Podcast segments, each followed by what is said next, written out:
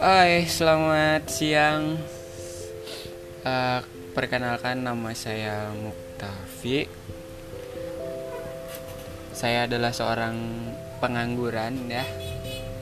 Pengangguran yang duduk manis tapi dapat duit. Apalagi kalau uh, duduk di toko ya. Ya, saya nganggur duduk-duduk aja tapi dapat duit. Ya karena duduknya di toko. Uh, ini adalah episode pertama di podcast saya yang pertama ini. Saya mau coba-coba. Alasan saya coba ini adalah karena kadang-kadang saya tuh merasa uh, aduh waktunya habis